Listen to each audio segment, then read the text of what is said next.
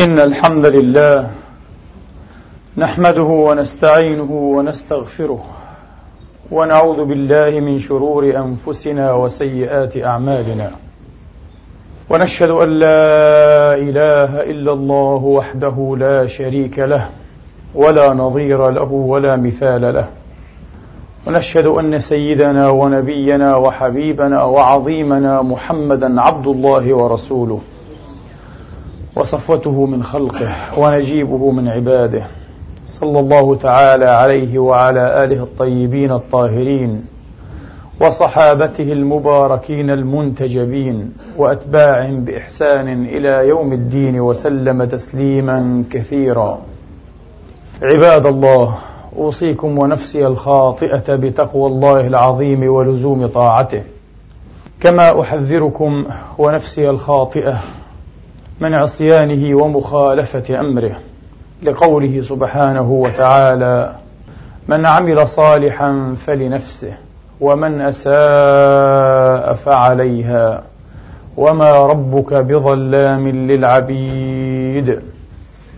ثم أما بعد أيها الإخوة المسلمون الأفاضل أيتها الأخوات المسلمات الفضليات يقول الله سبحانه وتعالى في كتابه العزيز بعد أن أعوذ بالله من الشيطان الرجيم. بسم الله الرحمن الرحيم. وقال اركبوا فيها بسم الله مجريها ومرساها. إن ربي لغفور رحيم. وهي تجري بهم في موج كالجبال ونادى نوح ابنه ونادى نوح ابنه وكان في معزل يا بني اركم معنا يا بني اركم معنا ولا تكن مع الكافرين.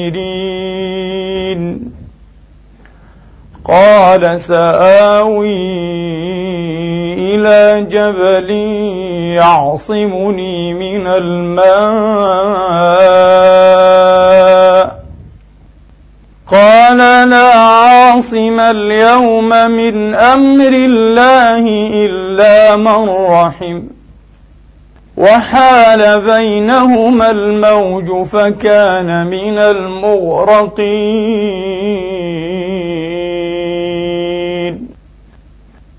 وقيل يا أرض ابلعي ماءك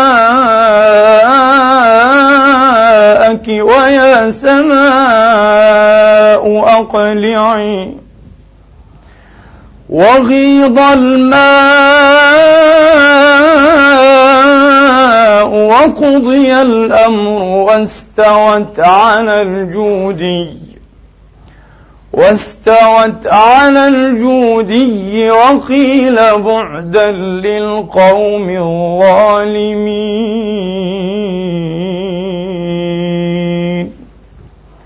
صدق الله العظيم. وبلغ رسوله الكريم ونحن على ذلك من الشاهدين. اللهم اجعلنا من شهداء الحق القائمين بالقسط. آمين. اللهم آمين. أيها الإخوة والأخوات خطبة اليوم إن شاء الله تعالى ستكون وصلا أو صلة لخطبة الجمعة السابقة والتي انتهت بهذا السؤال الكبير. ماذا نريد نحن المسلمين بأنفسنا ولأنفسنا؟ فهذا سؤال ليس من اللائق ولا بالحري أن يترك في آخر خطبة وأن يتكلم عليه في دقائق خمس أو عشر. إنه سؤال من الكبر والضخامة والأهمية والخطر في مكان يتوجب علينا معه أن نبدأ القول وأن نعيده في الجواب عنه. وقد يتساءل بعضكم ما صلة هذه الآيات التي تحكي طرفا ونبذة من قصة نبي الله نوح عليه الصلاة وأفضل السلام بما نحن بصدده. ما صلتها بما نحن أو مع ما نحن بصدده. هذا سيبين ويوضح بعيد قليل إن شاء الله تبارك وتعالى. أيها الإخوة من المعروف أن القول المنقوص القول الأبتر القول المجزوء أو المجتزأ. من السهل واليسير جدا أن يكشف عن منقوصيته عن ابتساريته عن اجتزائيته. على حد ما يمثل به دوما من قولهم يقرأ شطر الآية فيقول ولا تقربوا الصلاة فويل للمصلين. لماذا؟ لأن القول المجزوء أو المنقوص قد يكون جملة أو جملتين. فإذا ما أسقط طرف الجملة أو شطرها بانت المنقوصية بسرعة. لكن أيها الإخوة والأخوات ليس من اليسير وليس من السهل بتة الكشف عن التفكير المنقوص عن التفكير المجتزأ عن التفكير الأبتر. لأن التفكير أو الفكر أو الفكرة البتراء المجتزأة المنقوصة قد تكون أيها الإخوة غابة متشابكة تتواشج فيها عشرات ومئات وآلاف الجمل مع مئات الأفكار وتتقاطع فيها النظريات والآراء والشواهد والأدلة بما يجعل احتمال وإمكان الكشف عن منقوصيتها أمرا مرهقا وصعبا للغاية صعبا جدا لا يستطيع ولا يقدر عليه. أكثر الناس ممن فقدوا ذلكم الاستعداد النبيل لما أسميه بالتحري الفكري. هناك التحريات الجنائية لكن ينبغي أيضا أن نولد هذا المصطلح التحريات الفكرية تماما كما يفعل المختصون. في ذلكم الجانب الجنائي علينا نحن أن نتعود وأن ننمي استعداداتنا للتحريات والمحاكمات والمتابعات والمطاردات والملاحقات الفكرية. إذا علينا بالحري أن ندخل في غابة كما قلت فيها آلاف الأشجار والدوحات السوامق الباسقات. وربما نضل السبيل مرة ومرتين وعشر مرات ومئة مرة. لكن أيضا بالحري سنصل في النهاية سنصل في النهاية ويبقى السؤال هنا مفتوحا وليس هو موضوع مقالي هذا اليوم وكلامي. لماذا يفقد أكثرنا مع أن كثيرا منا أو كثيرين منا قد تحصلوا وبلغوا إلى غاية المشوار العلمي كما هو معهود ومتعارف وتحصلوا على أعلى الإجازات العلمية لكنهم مع غيرهم فقدوا هذا الاستعداد النبيل للتحري الفكري لزرع علامات الاستفهام. ومن هذا الزرع والازدراع تبدأ المعرفة. بهذا الزرع فقط دائما تبدأ المعرفة ويبدأ الفكر ويبدأ مشوار الفهم الطويل. أعود إلى ما كنت فيه أيها الإخوة وأريد أن أدخل إلى موضوعي من باب الآيات الكريمات التي تلوتها لأنني أشعر أننا كمسلمين للأسف الشديد. طبعا لا أقول أنني وحدي الشاعر بهذا كلنا تقريبا نشعر هذا الشعور. أننا في بلبلة في تيه. بعض الكتاب الإسلاميين الكبار ألف كتابا ودراسات تحت هذا العنوان التيه. إن هناك حالة تيه توهان حالة ضلال حالة ضياع تخبط فقدان للبوصلة للاتجاه للتوجه. فأريد أن أنطلق أيها الإخوة من الآيات الكريمات لكي أفحص وأستقري هذه الحقيقة ولي حقيقة صلبة راسخة أم أنها مجرد تهاويم وأوهام وتهويلات؟ أن نظمنا الثقافية ومناهجنا الفكرية تعاني من أزمة حقيقية تعاني من أزمة حقيقية. وفي الميدان الإسلامي بالذات وهذا الذي يعنينا أكثر من غيره هناك أيضا شبه تكريس وتأكيد وتقرير من بعض الواعين الأيقاظ لهذه الحالة من التيه والتخبط وفقدان التوجه وفقدان التوجه. المسبار المعيار. من آيات نوح. كيف؟ انظروا إلى نوح وابنه. إلى نوح عليه السلام. نوح ينادي بلهفة الوالد المفجوع في ولده. الذي يصر إلى آخر الوقت على الجحود والنكران معرضا نفسه لسخط الله وغضبه ونادى نوح ابنه وكان في معزل يا بني اركم معنا ولا تكن مع الكافرين. قال سآوي إلى جبل يعصمني من الماء. قال لا عاصم اليوم من أمر الله إلا من رحم. الله أكبر. الله أكبر. آيات حين نفكر في بعض ما فيها من هذه الفتوحات تخف أشعار أبداننا والله. شيء عجيب هذا القرآن. لكن ما هو المقدار الذي نفهمه؟ وبأي منهج نفهم هذا القرآن؟ قبل أن أشرح موضع العبرة وموضع الشاهد في هذه الآيات القصار العجيبات أحب أن أذكر بقول الحق سبحانه وتعالى يدبر الأمر يفصل الآيات. انظروا هذا جزء أيضا. جزء يسير من آية في سورة الرعد. يدبر الأمر يفصل الآيات. الله أكبر. إنه عنوان لاعتلاق ضربين ونوعين ولونين من السنن. سنن الله الكونية القدرية الخلقية وفي المقابل سنن الله الشرعية. يدبر الأمر. إنه موضوع السنة القدرية الكونية الخلقية. يفصل الآيات. إنه الشرع. إنه النص. إن القرآن والكون كليهما وجهان للحقيقة. القرآن أيها الإخوة هو الوجه اللفظي العلمي النظري للحقيقة. والكون هو الوجه العملي الفعلي المشهود للحقيقة. لكنهما وجهان لعملة واحدة. وجهان لعملة واحدة. وإذا كانت سنن الله سبحانه وتعالى في الخلق تتأبى وتستحيل على التغيير والتحويل لأن سنة الله لن تجد لها تبديلا لن تجد لها تحويلا لا تبديل لخلق الله.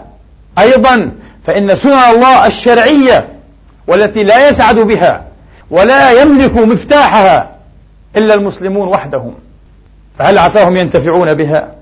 هل عساهم يفقهونها؟ هل عساهم يحذقونها؟ أيضا هذا هو السؤال وهذه هي القضية وهذه هي القضية.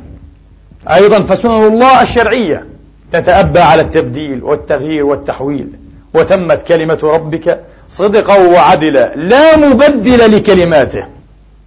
لا مبدل لكلماته. لا تبديل لكلمات الله نفس الشيء. يدبر الأمر يفصل الآيات. يا إخواني وأخواتي من هنا علينا دائما أن نكون متيقظين إلى كل مثل يضربه القرآن إلى كل حكاية يجيء بها القرآن إلى كل أمر إلى كل نهي إلى كل جزء من آية. إن كل أولئكم إن كل أولئكم يكشف عن سنن الله أيضا في الخلق. يعطينا دليل عمل أيها الإخوة. لو استطعنا أن نفهم لو استطعنا أن نفهم. إنه الوجه الآخر للعمل. الوجه الآخر للكون للخلق. هو دليل العمل. فعلا. كيف؟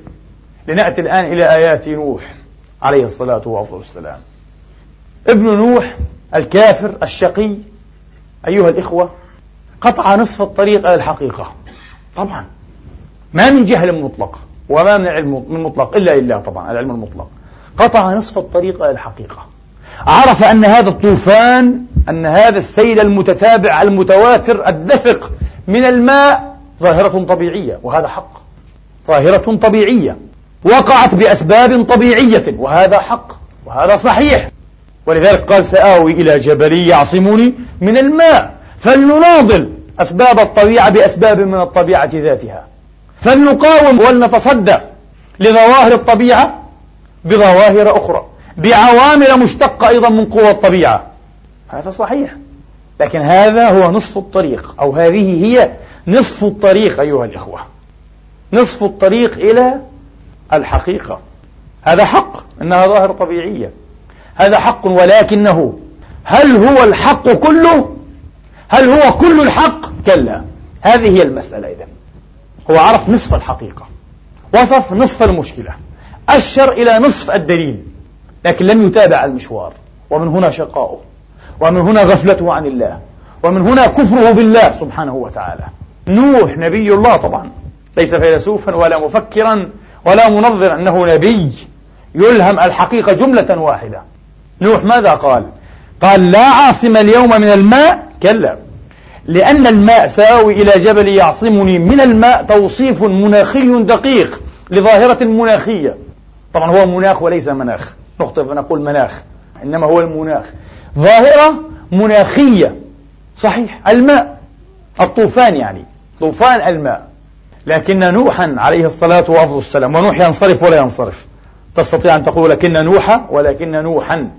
ولكن نوحا عليه الصلاة وأفضل السلام قد قطع الطريق إلى آخره فاحتاز الحقيقة كلها بين يديه. بتوفيق الله وإسعاده.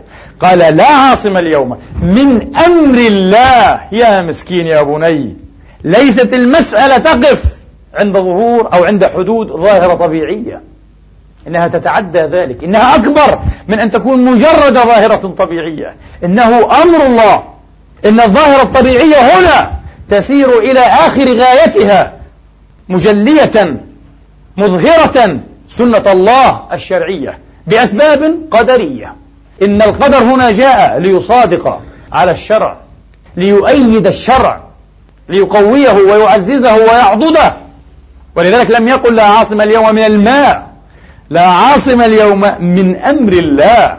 وإذا كان الأمر أمرا لله فعلا فلا عاصم منه. لا تستطيع لا يمكن أن تنجيك الأسباب الطبيعية إنك ضال في تفكيرك يا بني لكن الولد الشقي أصر على موقفه. وكانت عاقبته أيها الإخوة أن غرق وابتلعه هذا الطوفان ابتلعه هذا اليم الحادث في ساعات أو في أيام معدودات. هذه هي مسألتنا أيها الإخوة. كيف نحدد وبدقة العلاقة العجيبة الرواغة؟ إلى الآن أثبتت أنها علاقة رواغة في تفكير المسلمين في مناهج وطرائق تفكيرهم. كيف نحدد معالم العلاقة الرواغة بين سنن الله القدرية وسنن الله الشرعية. أين تعمل هذه؟ وأين تنتهي؟ وأين تبدأ هذه؟ وأين تنتهي؟ من الذي يخدم الآخر؟ أو هل يتخادمان كلتاهما كلتا السنتين؟ هل يتخادمان؟ هل يتعاضدان؟ أسئلة كثيرة مفتوحة أيها الإخوة. أسئلة كثيرة مفتوحة. علينا أن نفقهها وأن نفهمها بعمق وأن نبدأ ونعيد فيها دوما. ويبدو لي أنه لا مخرج لنا مما نحن فيه إلا بتأسيس فقه جديد في هذا الباب. فكر جديد فلسفة جديدة علم جديد. نفتح هذه الأبواب وإلا لن نفهم. بعدنا عن هذا الفهم أيها الإخوة. بعدنا عن هذا الحذق الدقيق لأمثال هذه الإشارات. يتأتى عنه أولا الجهل. لأننا كما قلت قد نقطع نصف الطريق. الذي قطع نصف الطريق الآخر ففهم روح السنة الشرعية بالتالي هو لم يفهم روح السنة القدرية فضاع في عالم الأقوياء اليوم. وأنتم تعلمون أن العالم اليوم والكل يعلم ذلك أن العالم اليوم ليس محكوما أيها الإخوة بعلاقات قوة أخلاقية أو بعلاقات مبادئ وقوانين أخلاقية كلا. ولم يكن تقريبا في يوم من الأيام إلا في حالات استثنائية جدا جدا جدا. المسلمون لهم الحظ الأعظم والقسم الأكبر فيها بحمد الله. لم يكن العالم في يوم من الأيام إلا في هذه الحالات المستثناة محكوما بمبادئ وقوانين أخلاقية. كلا. إنه محكوم بمبادئ وعلاقات القوة وصيغ الهيمنة. هذا هو العالم. اليوم توجد أمم وشعوب لا تعرف الله ولا تدري له شرعا ولا ترعى له حقا ولا ترجو له وقارا. إلا أن الأقوياء والمهيمنين والمتسلطين يحسبون لهذه الأمم ألف حساب وحساب. لماذا؟ وهذه الأمم على ما وصفت من حالها مع الله تبارك وتعالى. لأنهم دروا وعرفوا هذه الحقيقة. أن العالم محكوم بعلاقات القوة وصيغ الهيمنة والاستكبار. فاتخذوا سبيلهم أيها الإخوة إلى التذرع والتسبب والتسلح بأسباب القوة وعوامل التفوق. فصار لهم هيبة. وصار لهم أيها الإخوة حساب يحسب. يحسبه الأقوياء قبل الضعفاء. أليس كذلك؟ هل هذا الذي يحدث مع الصين وأمثال الصين وأما أمة محمد وهي أوزاع متفرقون أيادي سبع مبددون مضيعون لا يستطيعون أن يفهموا هذه الحقيقة. ليست لديهم إرادة أن يفهموا هذه الحقيقة. طبعا هذا القول الذي أقوله من باب الإنشاء السهل. إنشاء سهل يمكن لأي عالم أو متعالم أو حتى نصف أمي أن يردده. يجب علينا أن نتكتل يجب علينا أن نتوحد. يجب علينا أن نضفر الجهود والقوى والإمكانات والقدر حتى نواجه العالم. ليست هذه القضية. هذا كلام من باب الإنشاء السهل. الكل يقوله لكن السؤال أيضا وهذا يدخل في باب السنن. هل نمتلك نحن الذين نردد هذا الكلام ولا نزعم ترداده وتكراره؟ هل نمتلك صيغة أولا نظرية علمية بعد ذلك تتحول إلى مشروعات عمل حقيقية واقعية. هل نمتلك صيغة نظرية علمية تتسع للتوحيد؟ صيغة متسامحة يمكن أن تكون أكبر من الخصوصيات المذهبية والاختيارات الأهوائية والانتقاءات الذاتية لفصيل وأحيانا لفريق وأحيانا لشخوص من الناس. هذه هي المأساة. هذا هو الحادث أيها الإخوة بين المسلمين. يا ليت أن المسلمين يفهمون النظرية اللطيفة والظريفة المشهورة للشاعر الهندي الكبير الشاعر الموسوعي رابندرانات طاغور نظرية العوالم لكل منا عالم أيها الإخوة. وأنا بطريقتي الخاصة أقول هناك مسبار يمكن أن يكشف لنا عن هذه العوالم العجيبة المتفارقة والمتمايزة. إنها الجريدة اليومية. الجريدة الجورنال. هذه الجريدة مسبار يمكن أن يفهمنا جوهر نظرية العوالم المتمايزة للأفراد والجماعات والأحزاب والهيئات والتنظيمات والدول. كيف ينطلق عشرة من الناس يشترون الجريدة ذاتها؟ أليس كذلك؟ لكن كل منهم يبادر فيفتح على صفحة معينة. هذا لا يهمه إلا أخبار المال والأعمال. أليس كذلك؟ وأما أخبار الثقافة والفن وكذا هذا هو ليس منه بسبيل. وهذا لا يعنى إلا بأخبار الممثلين والنجوم السينمائيين والتلفازيين وأمثال هؤلاء الساقطين مباشرة إلى هذه الصفحة. وهذا المسكين ليس له من خبرة ولا شأن بتناول وتعاطي هذه الجرائد أو التعاطي معها ولكن سمع أن قريبا أثيرا عزيزا توفي اليوم صباح اليوم أو صباح أمس في البلدة الفلانية التي تصدر عنها هذه الجريدة فهو يعمد مباشرة إلى صفحة الوفيات ليتحقق الخبر. إذا لم يكن لديه في هذا العصر لا تليفون ولا إنترنت ولا محمول. وآخر يأتي مباشرة إلى صفحة الرأي والثقافة والفكر وهكذا وهكذا. هذه هي عوالمنا. في العمل الإسلامي أيها الإخوة في الفكر الإسلامي نفس الصورة. هناك من يأتي إلى باب معين إلى فكرة معينة إلى مجال معين وينظر من خلاله إلى الدين كله وإلى العالم إلى التاريخ وإلى الواقع. لا يمكن أنت تنظر من منظار ضيق والآخر يفعل مثله والثالث وهكذا. وكل يعنى ويمعن ويبالغ ويغالي فيما فهم وفي مواقف وفي الأرض التي يقف عليها. صياغ قاصرة لا يمكن أن توحد. إذا ليست المسألة أن نتحدث حديثا إنشائيا. نريد التوحيد. نريد أبدا. لابد أن نفكر أعمق من ذلك. وهذا يقتضي أيها الإخوة درسا زائدا. وعمقا في التفكير فائضا. وعمقا في التفكير فائضا. ولنعمد الآن إلى السؤال أيضا السؤال المملول المكرور دائما والذي لا نسأم أيضا من تكراره.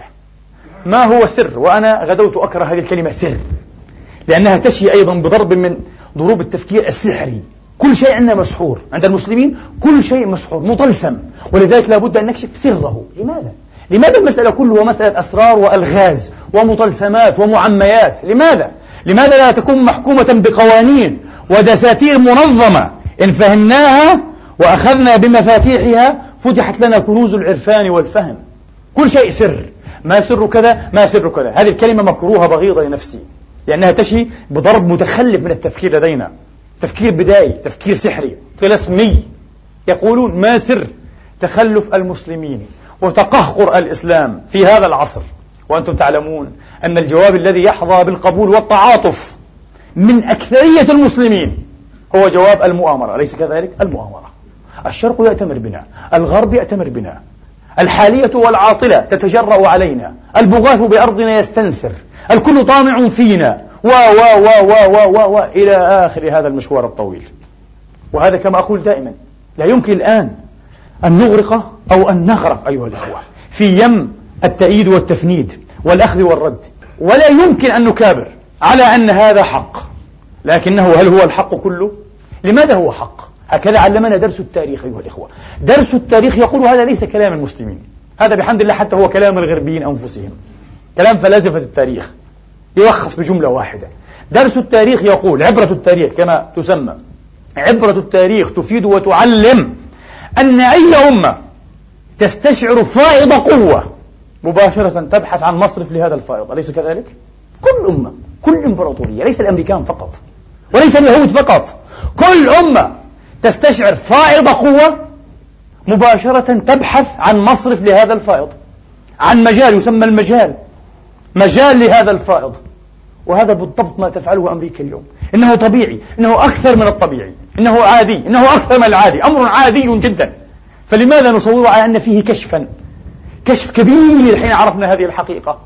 على أن فيه لغزا. نجحنا في حله ليس فيه لا كشف ولا لغز. عملية تاريخية طبيعية تحدث مع كل الإمبراطوريات ومع كل الأقوياء في تاريخ الدنيا وحدثت مع المسلمين. لكن كيف صرفوا هذا الفائض؟ وكيف عملوا الآخرين؟ هذا موضوع مختلف لكن يحدث مع الجميع.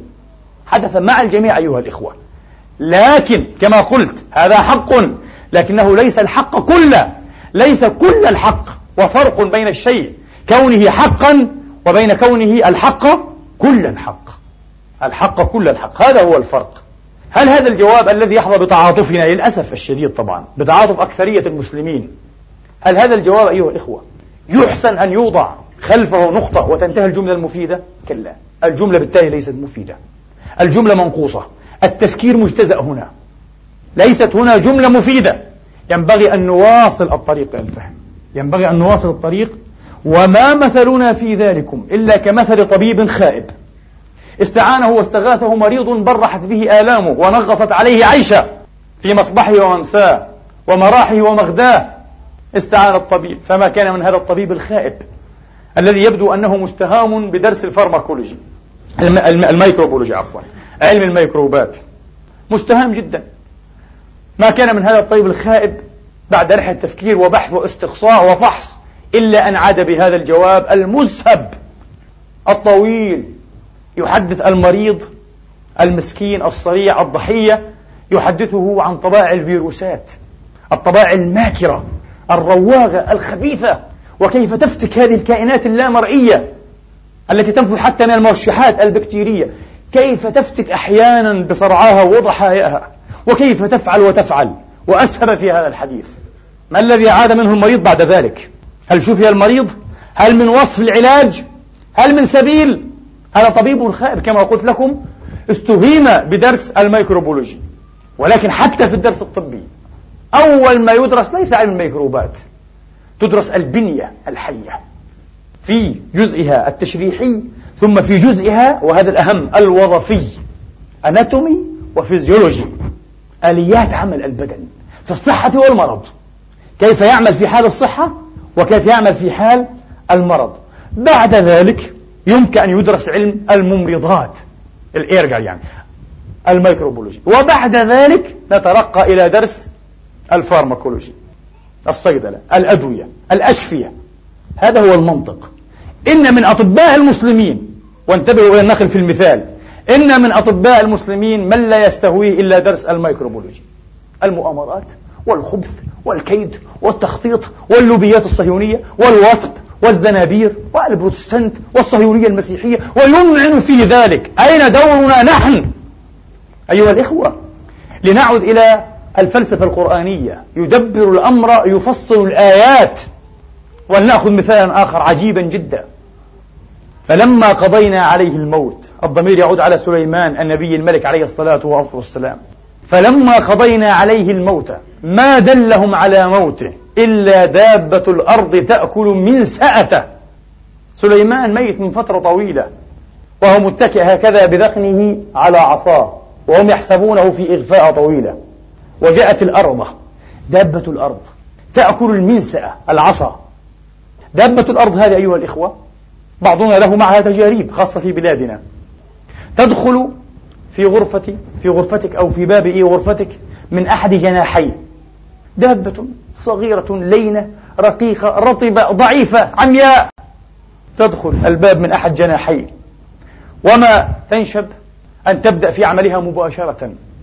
تأكل الخشب وتضع مكانه الطين. وتأكل الخشب وتضع الطين. وتأكل الخشب وشهر بعد شهر بعد شهرين بعد ثلاثة بعد أربعة. وتترك لك ماذا؟ تترك لك الواجهة بالتزاويق والنقوش. الباب جميل بتزاويقه ونقوشه. هذا حال الأمة المحمدية في آخر مئات السنين من حياتها. أمة قوية واقفة ها؟ لها هيبة لها صولة فيما يبدو ويظهر. لكن الباطن خرب الباطن منخور الباطن خاون متداع والتزاويق واضحة أيها الإخوة. تترك لك الظاهر بتزاويقه ونقوشه. وهكذا حتى تأتي لحظة تفجأك وقد تداعى الباب على نفسه مرة واحدة. ما الذي حدث؟ إن الطارق هو الجاني. لقد طرق على الباب بقوة. فتداعى الباب. كلا. هذا ما يعطيه الظاهر. هذا ما يعطيه السير إلى نصف الطريق. كلا. ليست الطرقة أيها الإخوة. العنيفة أو اللطيفة هي التي جعلت الباب القوي. المدعم بالأخشاب ظاهرا وباطنة. يتداعى هذا التداعي كله. مثل هذا يحدث تماما مع دوحة مع شجرة باسقة واثقة في كبرها في شموخها تفعل فيها أيضا. هذه الكائنات الدقيقة فعلها في مئات السنين. ثم بعد ذلك تأتي نسمة خفيفة أو عنيفة فتتهاوى وتتداعى الدوحة العظيمة على نفسها. ومباشرة الفكر القاصر فكر نصف الطريق فكر الإجتزاء والقصور يشير إلى الريح. لكن الريح لا تزال تعصف من ملايين السنين. وستظل تعصف أيها الإخوة.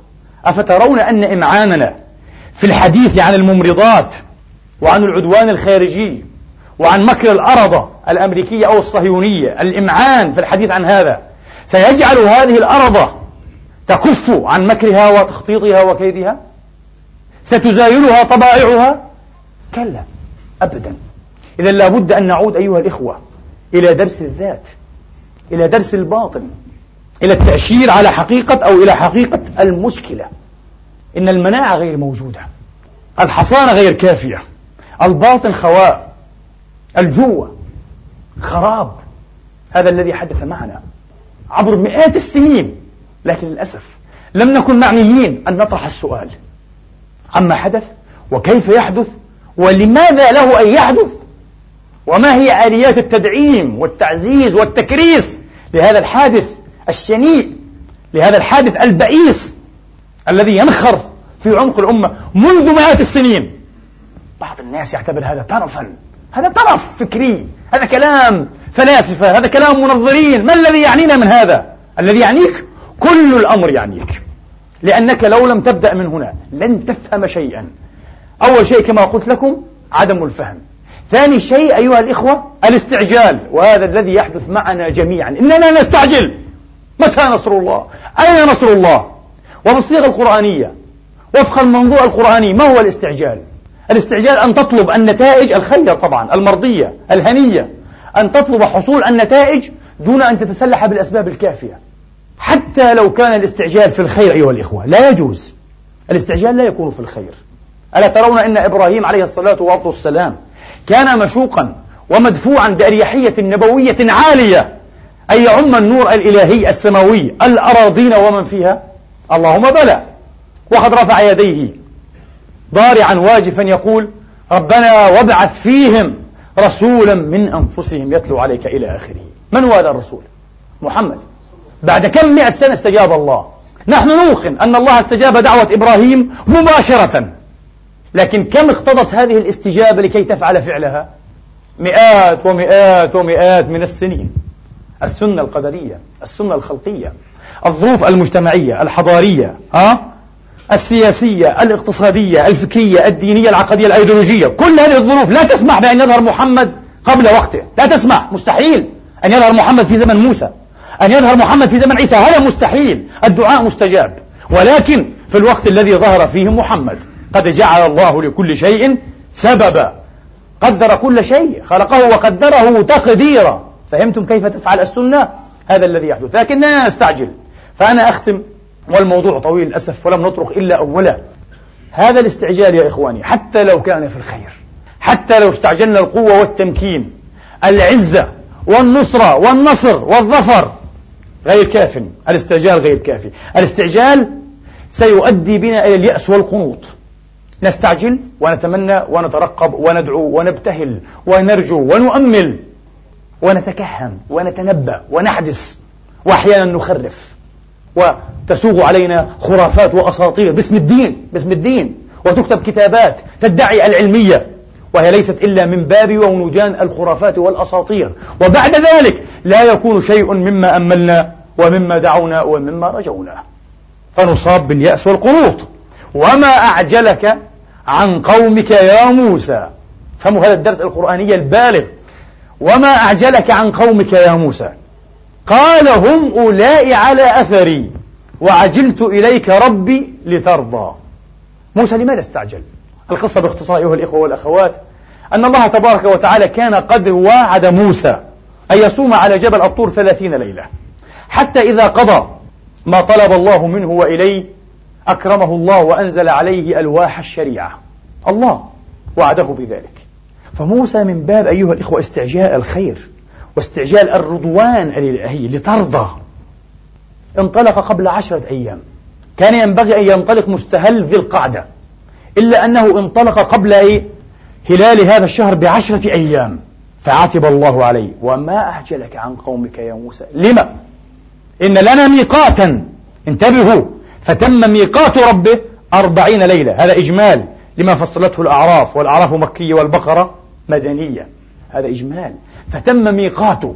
يلوح لي أن ما يفرق بين الميقات والوقت شيء دقيق جدا. الوقت ظرف زمني ممتد سيال. يمكن أن يكون أي وقت ولكن الميقات وقت محدد. لا متقدم عنه ولا متأخر عنه. فلما عجلت يا موسى عن الميقات؟ دقة قرآنية عجيبة أنه ميقات وليس وقتا. ميقات موعود وما أعجلك. لماذا عتب الله في الدراسات الدينية الشارحة للكتاب المقدس وفي بعض تفاسير المسلمين أن هذا الحدث أو هذه الحادثة أيها الإخوة كانت بعد خروج موسى لبني إسرائيل من البحر ومن أرض فرعون بثلاثة أشهر. إنهم قوم بكر قوم فطيرون. لم يصلب عودهم لم ترسخ عقائدهم. لم يلح إيمانهم قويا عزيزا مستحكما. وليس لهارون عليه الصلاة والسلام من الهيبة والسطوة والجلال ما لموسى وهذا معروف. القرآن حتى يصور الشخصيتين تصويرا سيكولوجيا. وما أعجلك عن قومك يا موسى؟ قال هم أولئك على أثري. وعجلت إليك ربي لترضى. قال فإنا قد فتنا قومك من بعدك. وأضلهم السامري. لقد تسببت في كفرهم. مع أنه ما استعجل إلا الخير والخير من الله وما استعجل إلا الشريعة أيها الإخوة لكن ليس هذا هو الوقت. فهمتم الدرس العجيب؟ دروس عجيبة في كتاب الله. والأعجب من ذلك أيها الإخوة الأعجب من ذلك كأن الله تبارك وتعالى عاقبه. ولست مقتنعا بما يرويه الديلمي وغير الديلمي من أحاديث ضعاف مقطوعات وبعضه موضوع من أن السبب أنه استاك يبدو أن السبب أن الله تبارك وتعالى عاقبه بالأيام العشرة التي استعجلها فقال هو عليك أن تصوم عشرة أيام أخرى. الآن النصاب أصبح أربعين يوما وليلة ليس شهرا أربعين. ثم بعد ذلك هنا العبرة أيها الإخوة. هل أكرمه الله بالشريعة قبل وقتها؟ لقد أخذها بعد وقتها. فهمتم الدرس القرآني؟ كان المقدر أن يأخذها بعد ثلاثين ليلة. فما أخذها إلا بعد أربعين. نتيجة الاستعجال للخير. لأن موسى في تلكم اللحظة أيها الإخوة لم يكن قد أحاط علما بالقوانين الفاعلة والحاكمة في المجتمعات في نشوء الأمم في نشوء العقائد في رسوخ الأيديولوجيات والأفكار. وإلا لما ترك قومه وهم الفطيرون الأبكار هذه التركة. فاستطار فيهم شرر السامري على عجل. وانتهى فريق منهم إلى الجحود والكفران. نعوذ بالله من الحور بعد الكور. ونسأل الله تبارك وتعالى أن يفقهنا في الدين وأن يعلمنا التأويل وأن يفتح علينا وعلى إخواننا المسلمين وأخواتنا المسلمات بالحق وهو خير الفاتحين. أقول قولي هذا وأستغفر الله لي ولكم فاستغفروه.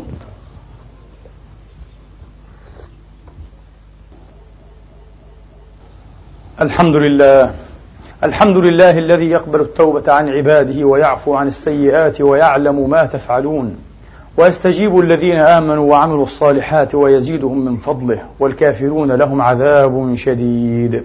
وأشهد أن لا إله إلا الله وحده لا شريك له وأشهد أن سيدنا وحبيبنا محمدا عبد الله ورسوله. اللهم اجعل شرائف صلواتك ونوامي بركاتك ورأفة تحننك على هذا النبي العربي الأمين الكريم وعلى آله الطيبين الطاهرين وصحابته المباركين المحسنين وأتباعهم بإحسان وعلينا وعليكم والمسلمين والمسلمات معهم بفضله ومنه أجمعين.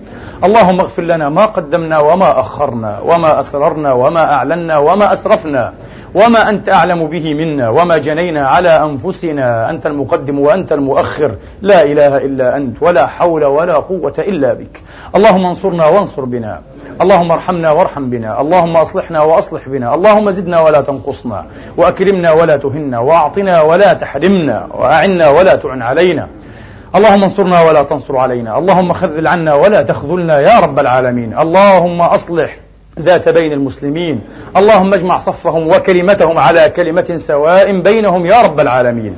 اللهم وأبرم لهذه الأمة المحمدية المرحومة أمر رشد تعز فيه أولياءك وتذل فيه أنوف أعدائك. يعمل فيه بطاعتك يؤمر فيه بالمعروف وينهى فيه عن المنكر وتؤمن فيه السبل.